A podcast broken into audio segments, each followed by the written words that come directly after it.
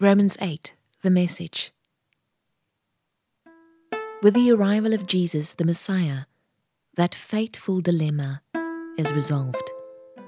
Those who enter into Christ's being here for us no longer have to live under a continuous low lying black cloud.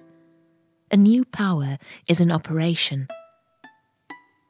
The Spirit of life in Christ, like a strong wind, has magnificently cleared the air, freeing you from a fated lifetime of brutal tyranny at the hands of sin and death. God went for the jugular when He sent His own Son. He didn't deal with the problem as something remote and unimportant. In His Son, Jesus, he personally took on the human condition, entered the disordered mess of struggling humanity in order to set it right once and for all. The law code, weakened as it always was by fractured human nature, could never have done that. The law always ended up being used as a band aid on sin instead of a deep healing of it.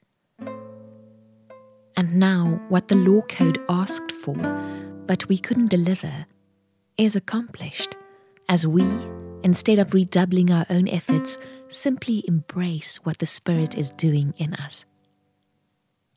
Those who think they can do it on their own end up obsessed with measuring their own moral muscle, but never get around to exercising it in real life. Those who trust God's action in them find that God's Spirit is in them, living and breathing God. Obsession with self in these matters is a dead end. Attention to God leads us out into the open, into a spacious, free life. Focusing on the self is the opposite of focusing on God. Anyone completely absorbed in self ignores God ends up thinking more about self than God. That person ignores who God is and what he is doing, and God isn't pleased at being ignored. But if God Himself has taken up residence in your life, you can hardly be thinking more of yourself than of Him. Anyone, of course, who has not welcomed this invisible but clearly present God, the Spirit of Christ, won't know what we're talking about. But for you who welcomed him, in whom he dwells, even though you still experience all the limitations of sin, you yourself experience life on God's terms.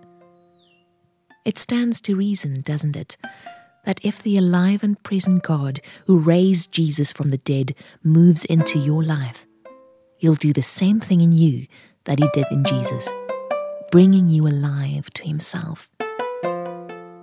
When God lives and breathes in you, and He does as surely as He did in Jesus, you are delivered from that dead life.